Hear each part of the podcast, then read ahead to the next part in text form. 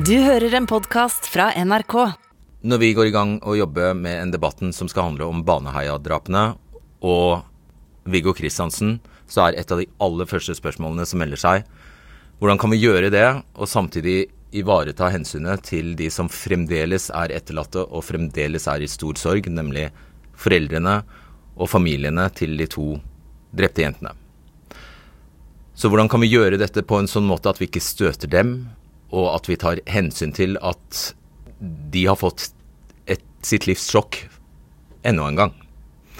Forhåpentligvis så har vi greid å ha med oss det i hele prosessen her. Eh, tanken på at eh, det er flere ofre i den saken, ikke bare et eh, offer for justismord, Viggo Kristiansen. Og så har det vært eh, mye drama foran denne sendingen, fordi eh, forfatter Bjørn Olav Jahr, som vi hadde gjort avtale med, skulle være med i hele sendingen. Han hadde en avtale i Fredrikstad i kveld, men bedyret at han kom til å greie å komme tidsnok til eh, Marienlyst. Så han bestilte en taxi og satte seg i den eh, klokka åtte som planlagt, og det tar jo drøyt en time fra Fredrikstad. Så viser det seg at uh, han har blingset på ti klokke på sendetidspunktet for debatten. Han trodde det var 21.40 mens vi jo går på lufta 21.20. Og ifølge GPS-en hans, når han satt inne i taxien, så viste den at de skulle være framme på Marienlyst 21.22. Så får uh, taxisjåføren akutt behov for å gå på do underveis, og bilen er høy, og de kan ikke kjøre så fort som de vil, osv. Det ender i hvert fall med at vi skjønner vi kan ikke starte sendingen med uh, Bjørn Olav Jahr. Så eh, da ender vi med å åpne sendingen med psykolog Atle Austad, som du skal få høre straks. Og det var et lykkelig valg, for Atle Austad gjør at vi kommer veldig tett på Viggo Kristiansen. Bare hør her.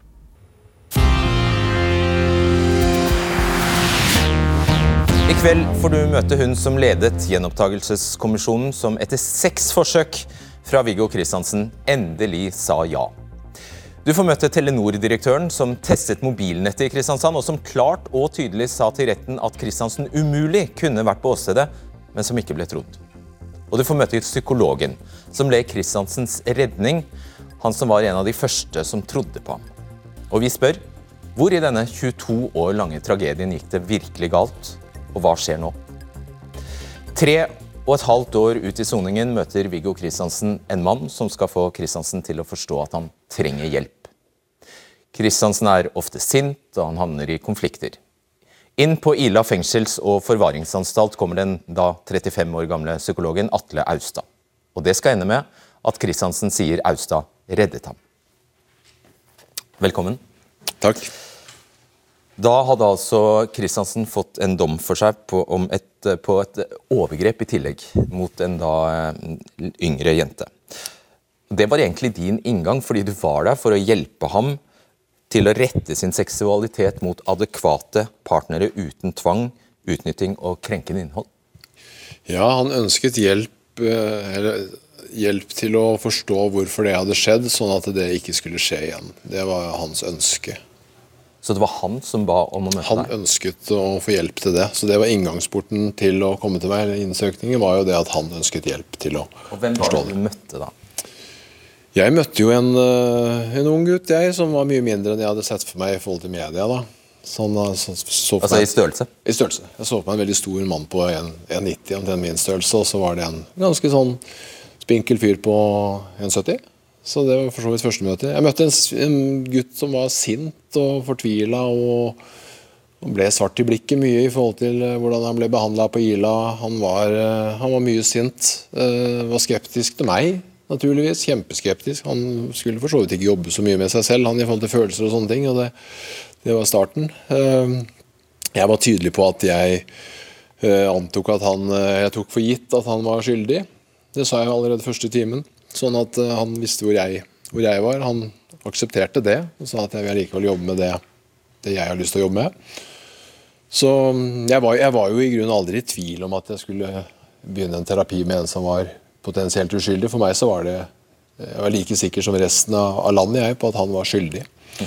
Så Men så bygger du altså opp et tillitsforhold til Kristiansen og ditt syn på hans skyldighet i drapssaken, til hans skyld i drapssaken, endrer seg? Hva, hva er det ja, som skjer? Det endra seg jo egentlig ikke de første årene. Altså, jeg, jeg tenkte i grunnen aldri på at han kunne være uskyldig før jeg i 2007 leste hans dom. Eh, og Da hadde jeg blitt kritisert for at jeg ikke leste dommene med en gang, mens jeg har aldri lest dommene med en gang fordi jeg ønsker å få en relasjon til dem. og ikke, Det, det er jo det er tøffe ting som står i en dom, og det kan jo stå imellom empati hvis man på en måte skal forholde seg til alt det fæle som har skjedd. Så det er din metode? Det er min metode, og det har jeg alltid gjort. Og det fikk du kritikk for? Det fikk jeg kritikk for. Den måtte jeg bare tåle. Men altså, jeg, jeg endra jo ikke den. Men i 2007 så opplevde jeg at vi hadde en god, nær, trygg relasjon. Da leste jeg dommen veldig nøye. Eh, det var veldig tøft. Jeg leste vel i tre omganger før jeg orka å komme helt igjennom. og Så leste jeg den veldig detaljert, og så oppdaget jeg at i grunnen så var all logikk fraværende. Premisser og konklusjon står ikke i forhold til noen ting. Gjennomgående i hele dommen. Og da begynte jeg å tenke er dette dommen mot Viggo? Fordi da fremsto det som umulig å, å, forstå ut fra argumentasjonen i dommen. Jeg tenkte i all verden er dommerne egentlig har tenkt her? Har de ikke, har de ikke lest premissene i sin egen konklusjon? Det var min, min, klare oppfatning av den. Og Hvordan endrer Det må jo ha endret uh, Jeg vil si at det endret min, energien mellom dere? Ja, ja, Det endrer jo først og fremst mitt syn på mulig uskyld til ca. 50% Altså Jeg ble veldig sånn Oi, uh, kanskje det er det. Samtidig så tenker jeg at uh, men, men det betyr jo ikke at det er det. sånn at jeg begynte å åpne opp for at kanskje det er sånn. Ikke at det hadde så veldig stor betydning for terapien, det hadde det ikke. Men, men jeg syns det var for så vidt uh, Ja, det, det, ble en annen, en annen ikke, ikke, tilnærming til terapien, men likevel det er en endring når man liksom begynner å lure. da. Men når du begynner å tilkjennegi, og det regner jeg med du gjorde ja, jeg sa jo at den, den, dommen her gjør jo at jeg begynner å åpne opp for at jeg ser ikke bort ifra at det kan være riktig. og Hva skjer med Viggo da? Nei, Han har hele tiden vært sånn fortrolig med at vet du hva, du kan tro hva du vil, og det er greit. Eh, jeg har lyst til å jobbe med meg selv. Så han har vært veldig tydelig på det hele tiden. Eh, aldri erkjent at han har gjort noe der eh, i, i, i Baneheia-saken. Sånn at, sånn at jeg, jeg, sa til ham at En, en gang så spurte jeg liksom, hvem andre tror du det er som har gjort det, hvis ikke det er deg? Fordi jeg var jo også overbevist om at det var to. Og da hadde jo han veldig tydelig at nei, det visste han ikke. Han kunne ikke se for seg at det kunne være en andre. Vi kjente ingen det kunne være. Da trodde jeg at Viggo egentlig sa til meg at han hadde gjort det. Ja. Så da ble jeg mer i retning av at oi, han har kanskje gjort det likevel. Da er vi i 2007-2008. Og så, og så, så sa jeg likevel til ham at eh, men, men, hvis du vil eh, Skulle ikke du ta opp saken din? Hvordan går det med den? Og da sa han at Pettersen jobber med den, altså tidligere advokat. Så viste det seg at han ikke gjorde det. Men han ville jo gjerne ta den opp igjen. da. Og Da hjalp jeg han altså å finne advokater som kanskje kunne ta i den. Det ble vanskelig, det var ingen som ville ha den. Jeg spurte en rekke av de jeg kjente, om de kunne være interessert i å, i å, å se på den saken. Det var det jo ingen som ville, eh, hvilket jeg jo forsto. En betent sak. Så ferd, var vi, vi, var vel i ferd med å gi opp. Så jeg kom på en, en artikkel i en vis jeg hadde lest om en som Sigurd Klomsæt, som da hadde beskrevet seg selv som en bakgårdskatt blant hermelinere på vestkanten. eller noe sånt. Da tenkte jeg han bør vel kanskje være en som tør å, tør å, å, å ta saken. Så da tok Viggo kontakt med han, og så ringte Klomsæt meg spurte hva jeg trodde. Jeg sa jeg tror det er 50-50, og da sier han at da tar jeg den. Jeg vet også du var veldig opptatt av en gjerningsmannsprofil. Fortell litt om det. Ja, fordi i behandlingen, når en benekter så jeg var, jo, jeg var jo absolutt opptatt av at han også skulle jobbe med den problematikken som var knytta til Baneheia-saken. Så jeg sa til Viggo at jeg vil gjerne jobbe med som om du er skyldig. Og da vil jeg jobbe i tredjeperson. Dvs. Si du trenger ikke å si at jeg har gjort det, men jeg vil gjerne gå i alle detaljer i saken. For hvis du har gjort det, så vil du kjenne på alle de følelsene som du har måttet kjenne på hvis du har vært der. Ikke sant, Gå i detaljer, hva som har skjedd, hvordan drapene har vært, hva gjerningsmannen må ha tenkt på forhånd, hvordan sikkert har det etterpå. Altså jobbe med de samme faktorene som om han hadde sagt 'jeg har gjort det'. da. Det sa han det er greit, så sa jeg da vil jeg ha en gjerningsmannprofil som jeg vet finnes, fordi jeg visste at den var utarbeidet, for jeg hadde vært med å diskutere den med, med, med, de, med hun som hadde utarbeidet den. da. Hva er det egentlig? Hva? Gjerningsmannprofil? Det er rett og slett bare en analysemateriell i forhold til hva de tror har skjedd ut fra de funnene, de tekniske og kanskje taktiske funnene som de gjør på stedet. Så det blir jo et hjelpemiddel da, for å, for Sjablong, å, ja, for å finne en gjerningsmann. Ja. Uh, og, og, og, jeg syns det var interessant, men så tenkte jeg at de har i hvert fall detaljene fra åstedet. Og detaljene fra alt mulig, og det hadde jeg lyst til å, å bruke i terapien. Så da ba jeg han om å ta kontakt med Klomsø, som han da var hans advokat, og, og, og få den gjerningsmannprofilen, så jeg kunne bruke den. Så tok det noen måneder, og så viser det seg at den fantes ikke. Nei. Og så tenkte jeg det, eller så sa jeg til Klomsø at jo, det gjør det. Og han ble jo forbanna på meg, fordi at han mente at jeg uh, skulle ikke mase på det. Når både Kripos og Kristiansandspolitiet sa at den ikke fantes, så fantes den ikke. Så da ringte jeg vedkommende som hadde utarbeidet den, og spurte om ikke gjerningsmannen profilen var blitt ferdig. Det var den. Men den var ifølge henne da eh, unndratt saken når det var konkludert med én gjerningsmann, og at det kunne komme Forsvaret i hende, så den skulle ikke skrives ut. Den skulle ikke legges ved retten. Ser man det. Så ingen hadde sett den? Ingen hadde sett den. Da, da, begynte jeg å lure. Siden man unndro ett dokument, så begynte jeg å tenke at oi, kan det være mer gærent her? Og vet du hva? Jeg tror vi lar det henge i lufta der, ja. fordi Sigurd Klomsæt kommer inn i dette studiet aldeles straks. Tusen takk skal du ha, yes. Atle Erstad.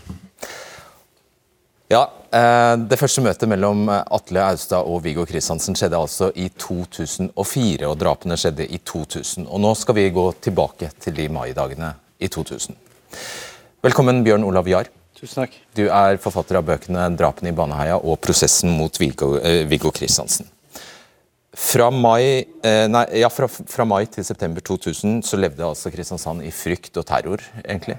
Fordi man var på jakt etter uh, gjerningsmennene bak drapene på ti år gamle Lena Sløgedal Pausen og åtte år gamle Stine Sofie Sørstrøm. De ble altså funnet drept 19. mai 2000. Og så finner politiet et kjønnshår som tilhører Jan Helge Andersen, men både han og kompisen Viggo Kristiansen blir så pågrepet 13.9.2000. Hvorfor blir begge pågrepet når det bare er funnet biologiske spor etter Andersen? Ja, og Det er veldig interessant, særlig opp mot det som Aust prater om nå, at man hadde en gjerningsmannsprofilanalyse som tydet på at det skulle være én gjerningsmann, men nå la de det til side. Eh, de hadde alltid sett på Viggo Kristiansen og Jan Helge Andersen som på en måte én en enhet. De var blitt observert sammen før drapene og etter drapene. Eh, og Jan Helge Andersen var jo en ganske sånn stille type, mens Viggo Kristiansen hadde et rykte på seg for å være litt sånn gataskrekk. Han var veldig utagerende, så de tenkte at Jan Helge Andersen er for tafatt til å kunne gjøre dette alene. Viggo Kristiansen må være hovedmannen. Så da arresterte de begge to.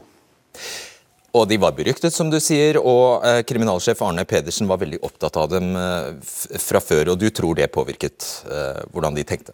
Ja, absolutt. Når man ser sånn senere klipp, og sånt, så sier jo Arne Pedersen at han ble litt mobbet på politikammeret, for han var så opphengt i de to. Eh, så, så, det var tydeligvis ikke at alle andre har tenkt på at det er de to, da, men han var nok veldig opptatt av de to. Ja. Og Arne Pedersen er invitert, han har takket nei til å være her. Og Så blir Jan Helge Andersen avhørt av politiavdelingssjef Geir Hansen i til sammen 80 timer. Og Hansen, som betegnet Andersens tilståelse som utrolig, han sier i et intervju med Stavanger Aftenblad eh, han sier selv at han antydet overfor Andersen at han muligens også kunne være offer.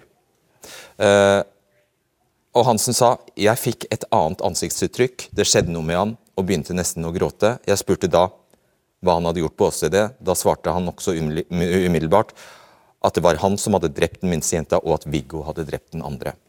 Og her mener du det skjer en feil som får fatale følger? Ja, det er ingen tvil om det. fordi, fordi når, de, når, Jan Helge Andersen kommer inn i avhør og de har dette biologiske funnet på ham, eh, så vil han jo fortsatt ikke innrømme noe som helst. Eh, og Det er da politimannen sier at vi har en teori om at eh, det er Viggo Kristiansen som er hovedmann i saken, og du også er et slags offer. Og Da skriver denne politimannen i sin egen rapport etterpå så skriver han at da så det ut som at Jan Helge Andersen fikk noe å tenke på. Og Da kommer denne tilståelsen hvor han sier at Viggo Kristiansen drepte den eldste jenta, mens han ble da tvunget til å drepe den minste jenta. Men når det gjaldt overgrepene på jentene, så sa han at de var det Viggo Kristiansen som gikk, mens han selv satt med ryggen imot. Du tror det er politiet som planter den ideen i hodet på Andersen? Ja, altså Jeg kan jo ikke utelukke at Andersen hadde tenkt på dette selv. og Da de ble arrestert, så fikk han jo vite at Viggo Kristiansen også var arrestert. Så, så det, det, vet vi ikke. Men det som er problemet er at det var jo ingen fri forklaring. Eh, det skulle jo vært en helt fri forklaring. Så når rettssaken tar til, så tegner politiet og påtalemyndigheten et uh, bilde av Jan Helge Andersen som veldig troverdig. Uh, men det er DNA og mobil som uh, skal stå sentralt egentlig og bli avgjørende. Rettsmedisinsk sakkyndig, daværende seksjonsleder ved Rettsmedisinsk institutt, Bente Mevåg, sier nemlig at prøvene som var analysert i Spania, viste sikre biologiske spor fra to gjerningspersoner. Hvordan reagerte retten på det? Nei, altså Det blir jo helt definerende. Eh, fordi det man da sier er at uh, vi har Jan Helge Andersens tilståelse. De to gutta hang alltid sammen. Uh, hvis det skal være noe gjerningsmannsperson nummer to og det ikke er Viggo Kristiansen, hvem skal det da være? Så, så, da ble jo historien om Viggo Kristiansen veldig viktig. Så dette er, dette er det som definerer dommen, ingen tvil om det. Vi har vært i kontakt med Bente Mevåg. Hun ønsker ikke å uttale seg, men altså avdeling for rettsmedisinske fag ved Universitet, Oslo universitetssykehus eh, sier følgende Hvis man skal lete etter feil gjort for 20 år siden, kan man ikke vurdere opp mot dagens standarder, spesielt når det gjelder teknologi og sakkyndighetsvurderinger. Det har vært en stor utvikling når det gjelder DNA-analyser, som de sakkyndige kan basere sine vurderinger på, sier de. Uh, og så er det mobilbeviset. Retten uh, la ikke særlig vekt på mobilbeviset den gangen, fordi de mente DNA-beviset var sterkere egentlig. Mm. sterk nok til domfellelse av Viggo Kristiansen, men Kristiansen har hele tiden hevdet at han kunne umulig ha vært der. Han var ikke der, sier han. Han var i bua si. Mm. Minn oss om hva politiet mente Kristiansen hadde gjort disse, i timen mellom 19 og 20. da.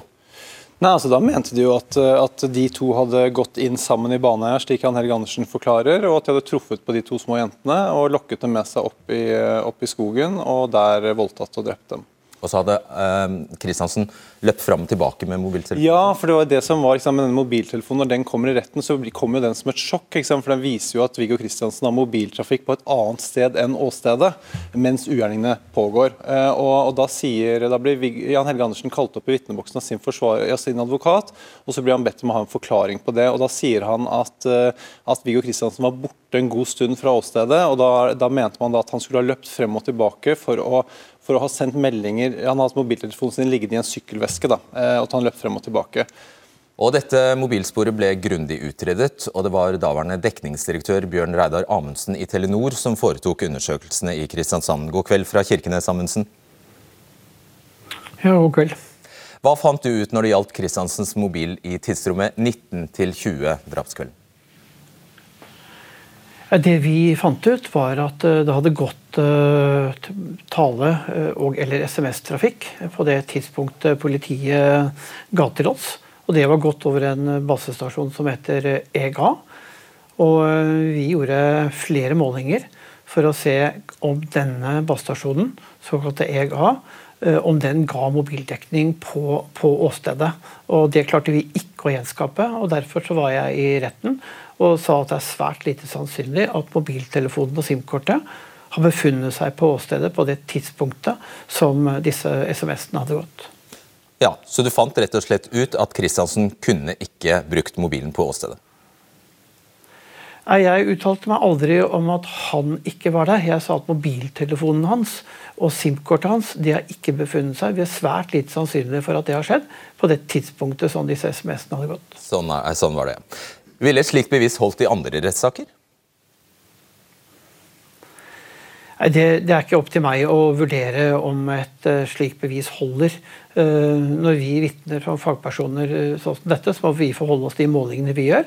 Og I det tilfellet her så konstaterte vi i hvert fall at det er svært lite sannsynlig at EGA vil dekke dette området. og Da må retten ta den avgjørelsen de ønsker, og så skal ikke jeg mene noe om det. Det er helt greit, eh, men det retten gjorde, var å legge veldig liten vekt på ditt vitnemål. Hva syns du om det? De valgte å legge det egentlig til side, og det, det er deres uh, fulle rett uh, å gjøre. Vi klarte ikke å gjenskape en situasjon hvor EGA dekket dette åstedet. Hva føler du i dag?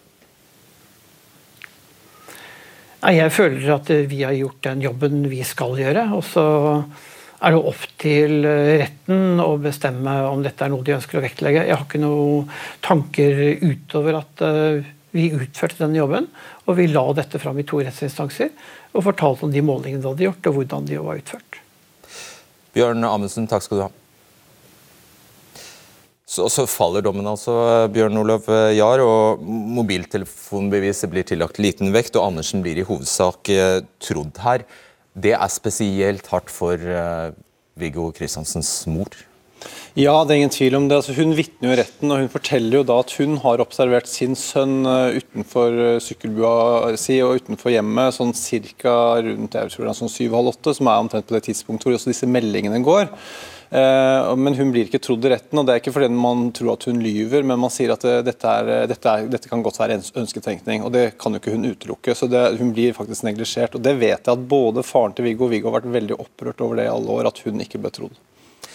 Psykolog Atle Austad nei, eh, hjelper altså Viggo Kristiansen med å komme i kontakt med advokat Sigurd Klomsæt, som vi hørte her i sted. Og I april 2008 skriver Kristiansen, som den gang var Norges mest forhatte mann, et brev til Klomsæt, der han forklarer at han soner norgeshistoriens lengste fengselsstraff fordi medtiltalte Jan Helge Andersen har løyet ham inn i saken. Klomsæt takker ja.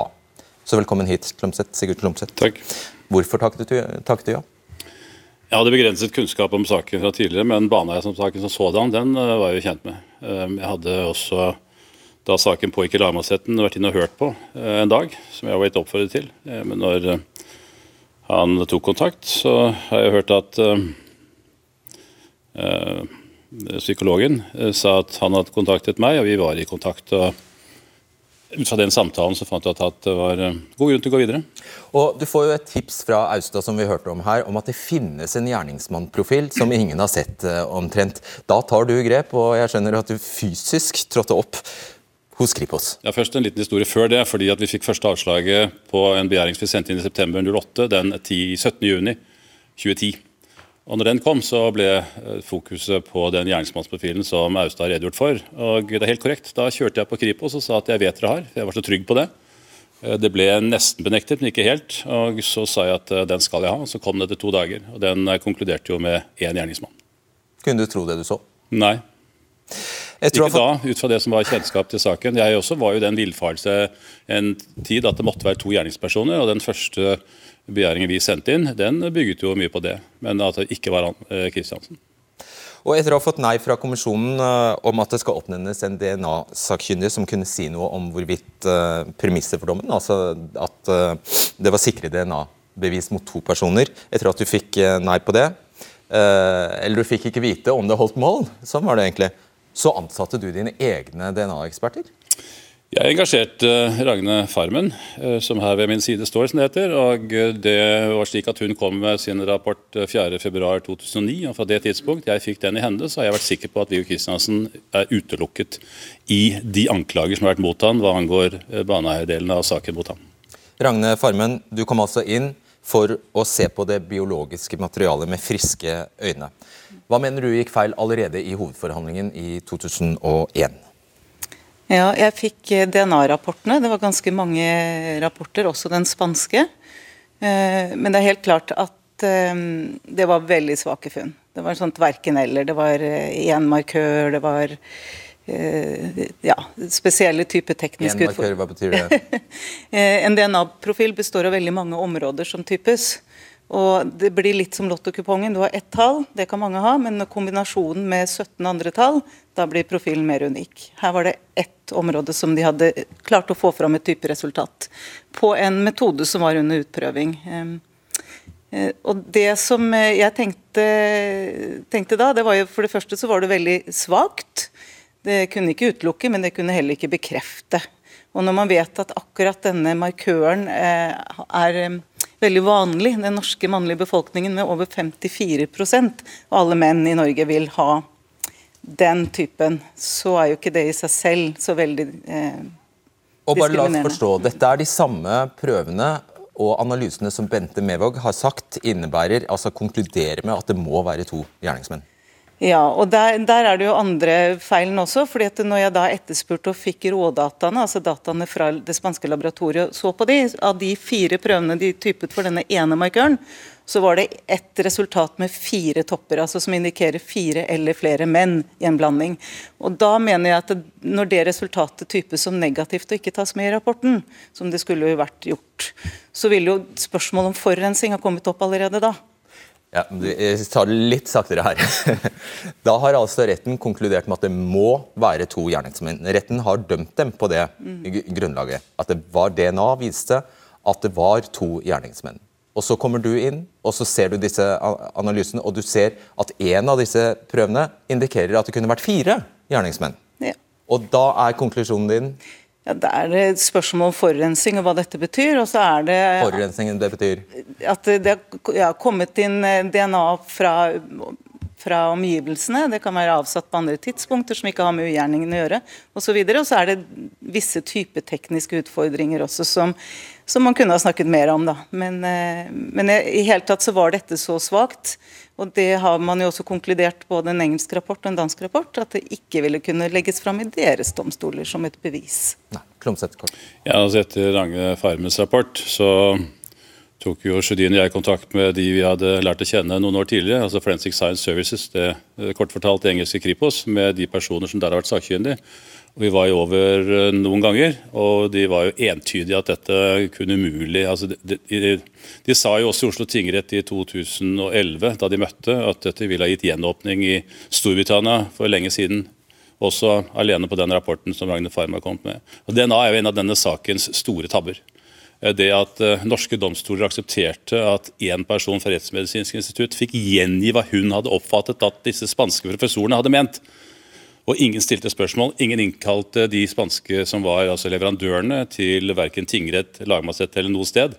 De har vi aldri avhørt. De hadde aldri fått snakket med andre enn eh, vedkommende fram til jeg tok den kontakten. Nå svarer jo Universitetssykehuset at det vil ikke skjedd i dag.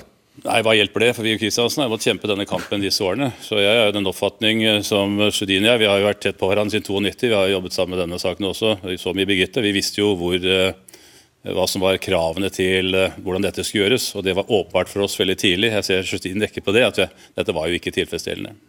Uh, Arvid Sjødin, du er jo egentlig introdusert nå. Du er altså nåværende forsvarsadvokat for Viggo Kristiansen. Forteller dette, denne hva skal man kalle Jeg eh, trenger ikke å benevne, eh, betegne egentlig denne håndteringen av DNA-bevisene. Eh, forteller det noe om dagens situasjon? Det forteller mye om dagens situasjon. dette også, fordi at Den dag i dag så kan man oppleve å få DNA-resultater i retten som er sendt inn av politi eller påtalemyndighet. Og Det står aldri noen ting om styrkegrad eller på hvilken måte de har fått det. eller, eller slike ting. Og Hvis du spør domstolen, så sier de nei. Og Her må det skje en endring. Det er det ikke tvil om. Og Her er vi ved et punkt som jeg vet du er opptatt av. Du drev ditt eget laboratorium, ditt private laboratorium som var godkjent, hadde ISO-sertifisering og greier. Men det er i Norge, eller var, Rettsmedisinsk institutt som hadde monopol på analyser av alt som kom fra politiet den gang. Mm. Så du fikk bare rett og slett aldri analyser til, eh, fra, fra, politiet. Eh, Gena het virksomheten din, og du ble tvunget etter hvert til å legge den ned, nettopp fordi det var for lite å gjøre, eh, eller for lite, for lite virksomhet. Mm. Hvilken rolle har denne monopolsituasjonen, som du også beskriver, Klomsæt, hatt å si for denne saken? Altså At Rettsmedisinsk institutt er eneveldende her. Ja, nei, det, det, er så mye bekymring at du, du har ett institutt som, eh, som, eh, sitter på all kunnskap, og som er aktør, og gjerne på begge sider av bordet. Og når saker tas opp, så er det de samme igjen som vurderer sine egne tidligere rapporter. Så jeg mener det der med at man har flere sakkyndighetsmiljøer er veldig viktig for en sikker strafferettspleie. Og nå driver du ikke firma, så du ber ikke for din sykemor? Jeg gjør ikke det, og vi holdt ut i ti år, og det var, eh, det var lange kamper. Og det var eh, ingen faglige grunner egentlig, men man ønsket å opprettholde et analysemonopol i Norge som et lite land for å ikke vanne ut kompetansen, var et av de svarene vi fikk. Det var kanskje ideologisk? Kan det ha vært det? Tydeligvis. Jeg vet ikke. Ja, det må ha vært det. Mm. Ja, um, da, skal vi, da, skal vi, bare bevege oss videre til fordi nå er vi, Jeg tror vi kan si at vi nå har kommet til gjenopptakelsesprosessen. Um, fra 2012 er det du som overtar uh, som Kristiansens forsvarer Sjødin. og På mange år her så skjer det ikke så veldig mye i saken. Hvordan opplevde du uh, situasjonen der i, i, i, løpet av disse årene her? De, uh, det var en veldig vanskelig situasjon. fordi at vi hadde en situasjon hvor vi fikk lite støtte. Pressen ville ikke bevege seg inn på området.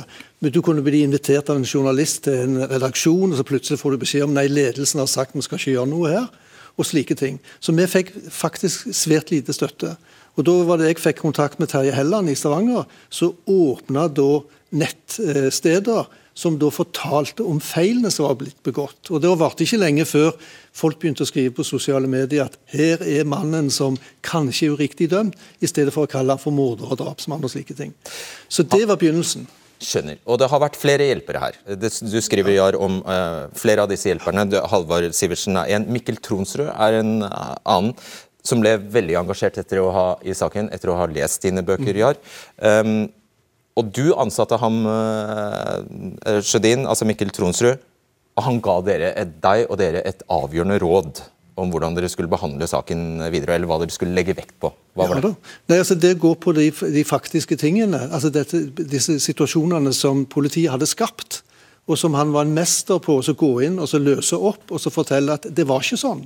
Her har du ikke her er det ikke noe du har glemt, her er det noe du har, har sagt. eller et eller annet. Så Han var veldig dyktig og, og, nøye på disse tingene, som gjorde det veldig enkelt å gå videre når vi satt i, i, den situasjonen. Da skal jeg si tusen takk for at si noe til slutt? Ja, det kan du. uten Jars uh, bok, både i Birgitte og i Baneheia-saken, så hadde de sakene sett helt annerledes ut i dag.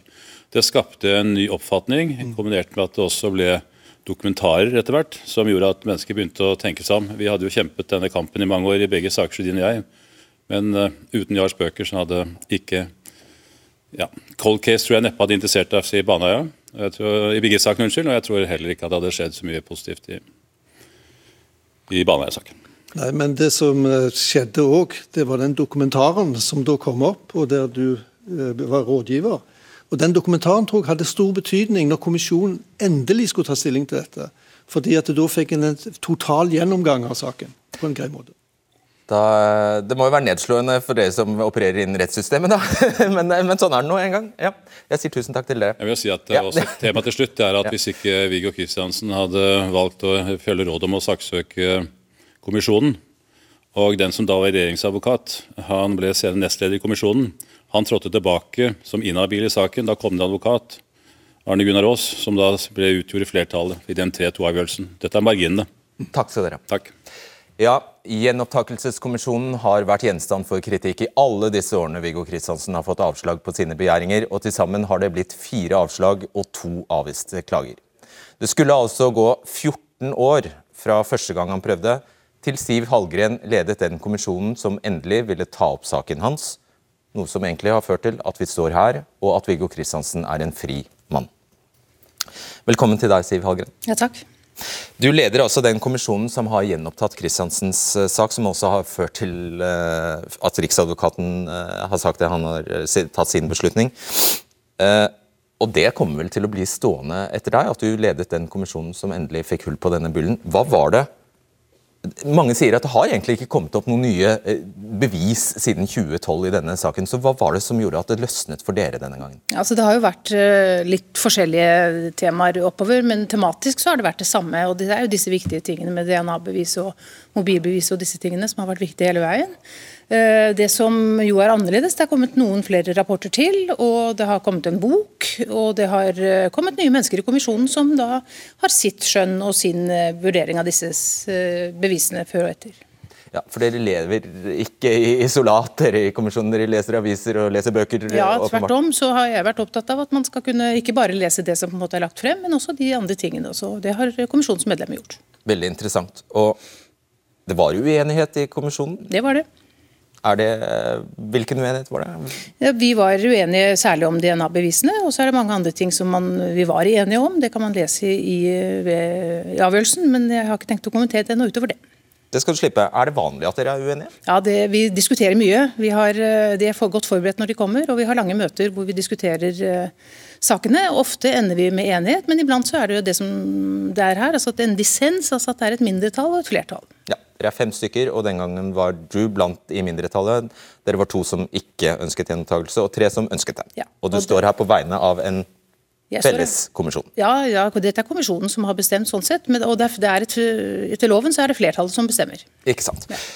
Og Flere har kritisert måten kommisjonen er organisert på. Eh, Bl.a.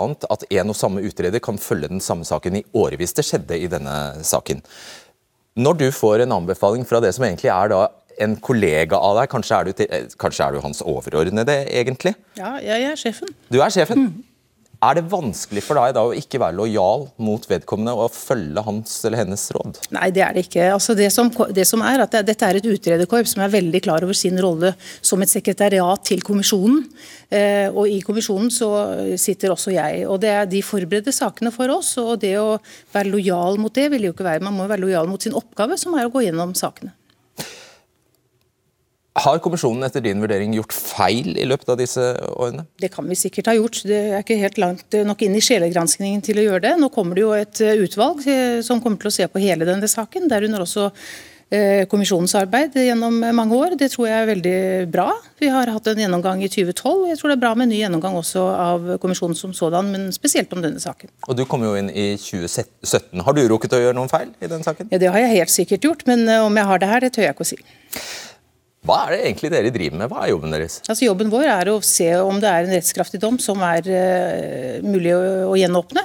Vi har cirka, cirka, hatt i mange år gjennom ca. 170 saker i året. Nå er vi oppe i så langt allerede nå. Det, I fjor var det 263 saker. Hvem er det som oppnevner dere? Det er regjeringen som oppnevner eh, medlemmene for tre år av gangen, med en mulighet for reoppnevning.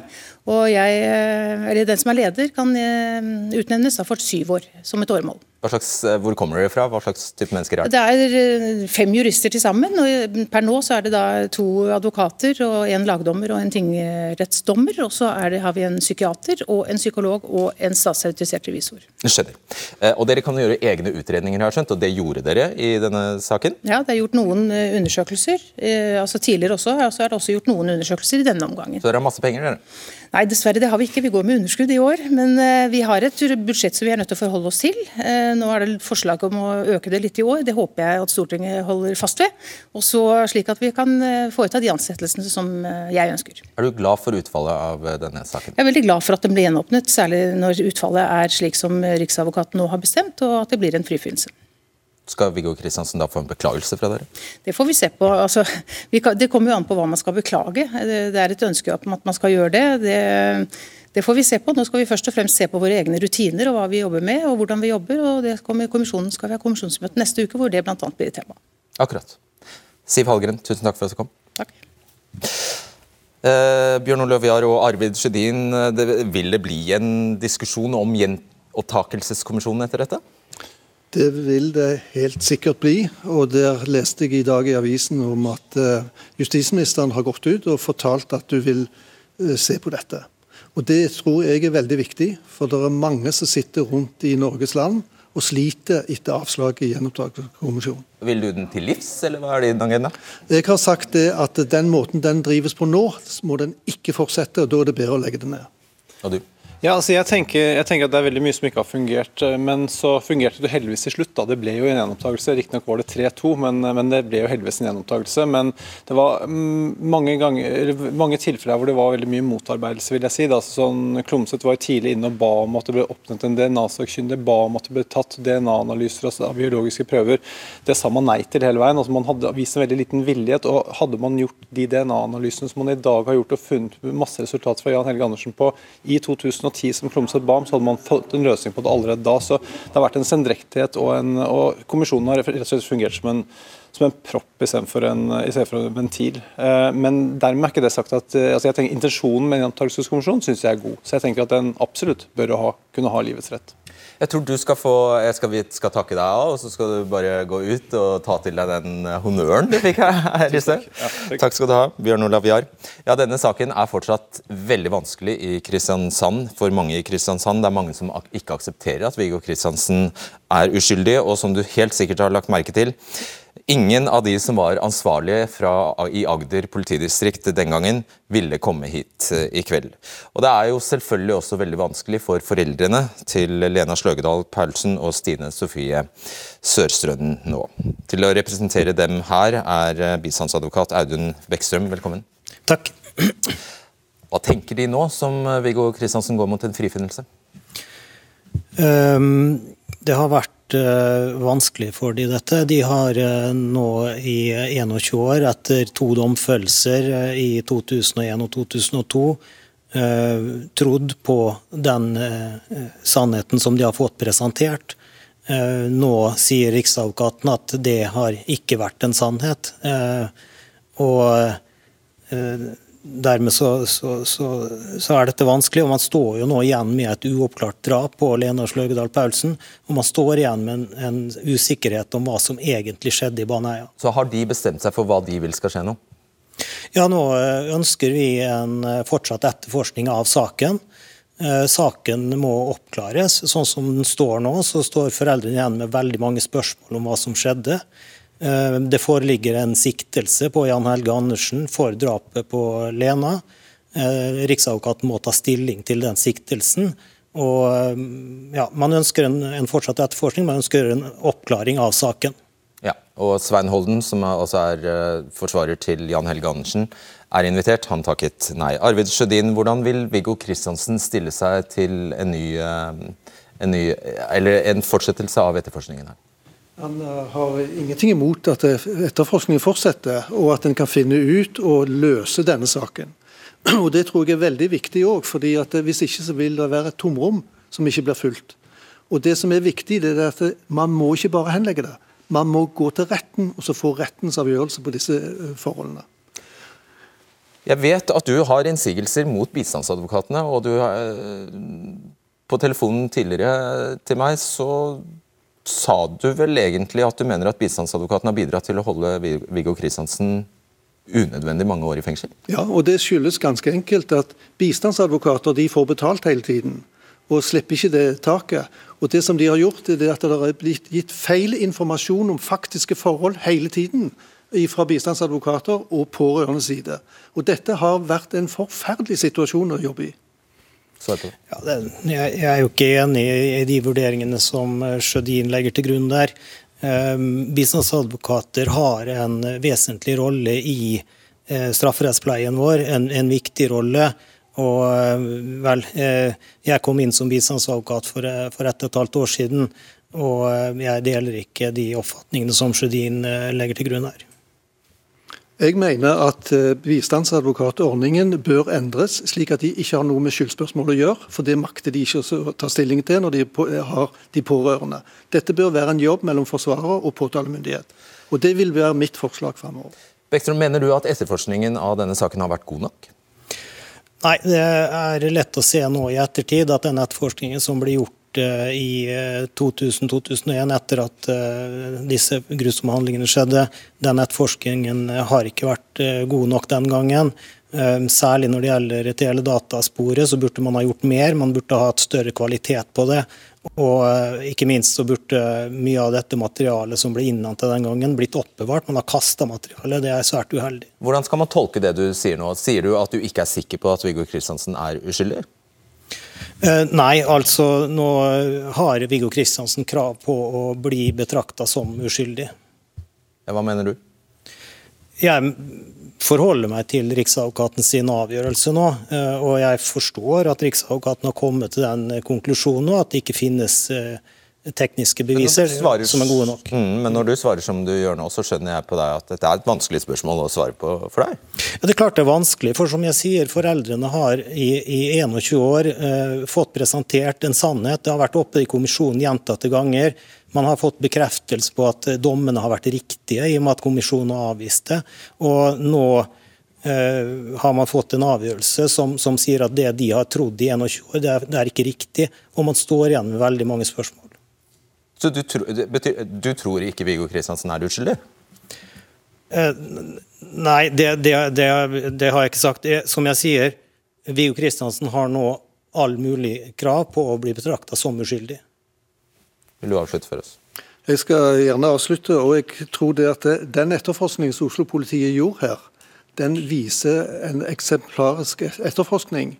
Og jeg tror vi skal legge til grunn den etterforskningen slik den er. Og så får de lov å fortsette dette, og da tror jeg det blir avslutta i Baneheia-saken til slutt. Er det et krav fra dere om at, eller, ja, spør, er det et krav fra dere om at uh, Jan Helge Andersen siktes og tiltales for uh, begge drap? Jeg mener at man bør ikke henlegge saken. Man er nødt til å se og få rettens avgjørelse på dette. Greit. Takk for at dere kom. Og takk for i kveld. Vi er tilbake tirsdag. Det er altså første gang Siv Hallgren, leder for uh, gjenopptakelseskommisjonen, snakker etter offentlig etter uh, denne avgjørelsen fra Riksadvokaten. Så jeg er veldig takknemlig for at hun i det hele tatt stilte. Og det var jo, du skal merke oss det, ikke andre fra påtalemyndigheten til stede her. Så ikke særlig takk til dem. Jeg syns det siste vi hører her fra Audun eh, Bekkstrøm, altså eh, bistandsadvokaten til familiene, egentlig sier alt om hvor vanskelig denne saken er. Eh, nå er de nødt til å områ seg på nytt, og de er nødt til å og Det er klart dette åpner store sår, og de er i, de i villrede, rett og slett. Så det er veldig, veldig forståelig, og dessverre så kan man vel bare konstatere at denne saken er en tragedie. Vi høres, dere. Ha det bra. Du har hørt en podkast fra NRK. De nyeste episodene hører du først i appen NRK Radio.